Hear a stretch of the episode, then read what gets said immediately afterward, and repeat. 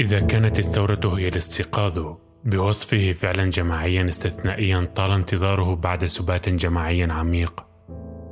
ألا يشكل النوم إذا عودة إلى الاستلاب ومرادفا للفشل؟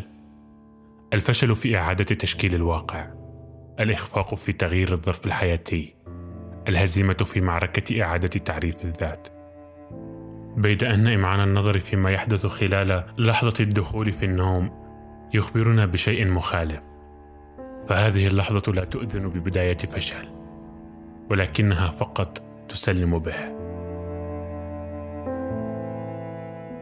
إنها اللحظة التي يستسلم فيها النائم لنعاسه ولفشله في الاستمرار يقظا الفشل يأتي أولا.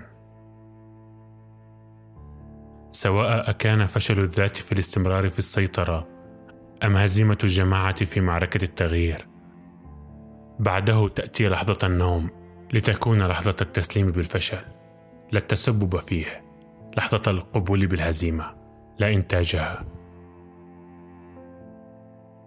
النوم الفردي هو فعل ذات تتخلى عن زمام السيطرة والنوم الجمعي هو فعل جماعة أدركت أن المعركة قد حسمت وأن الإبقاء عليها هو ضرب من الانتحار.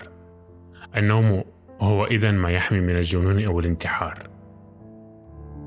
الذات التي لا تنام هي ذات عصابية مهووسة بنفسها والجماعة التي لا تنام هي جماعة مكبرة لا تستطيع تغيير الواقع لأنها تعيش منفصلة عنه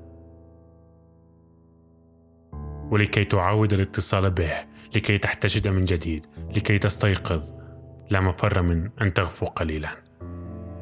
فالنائم الذي يبيت على أمل لا شفاء منه سرعان ما يستيقظ في أرض الواقع. مستلهما حلما جديدا.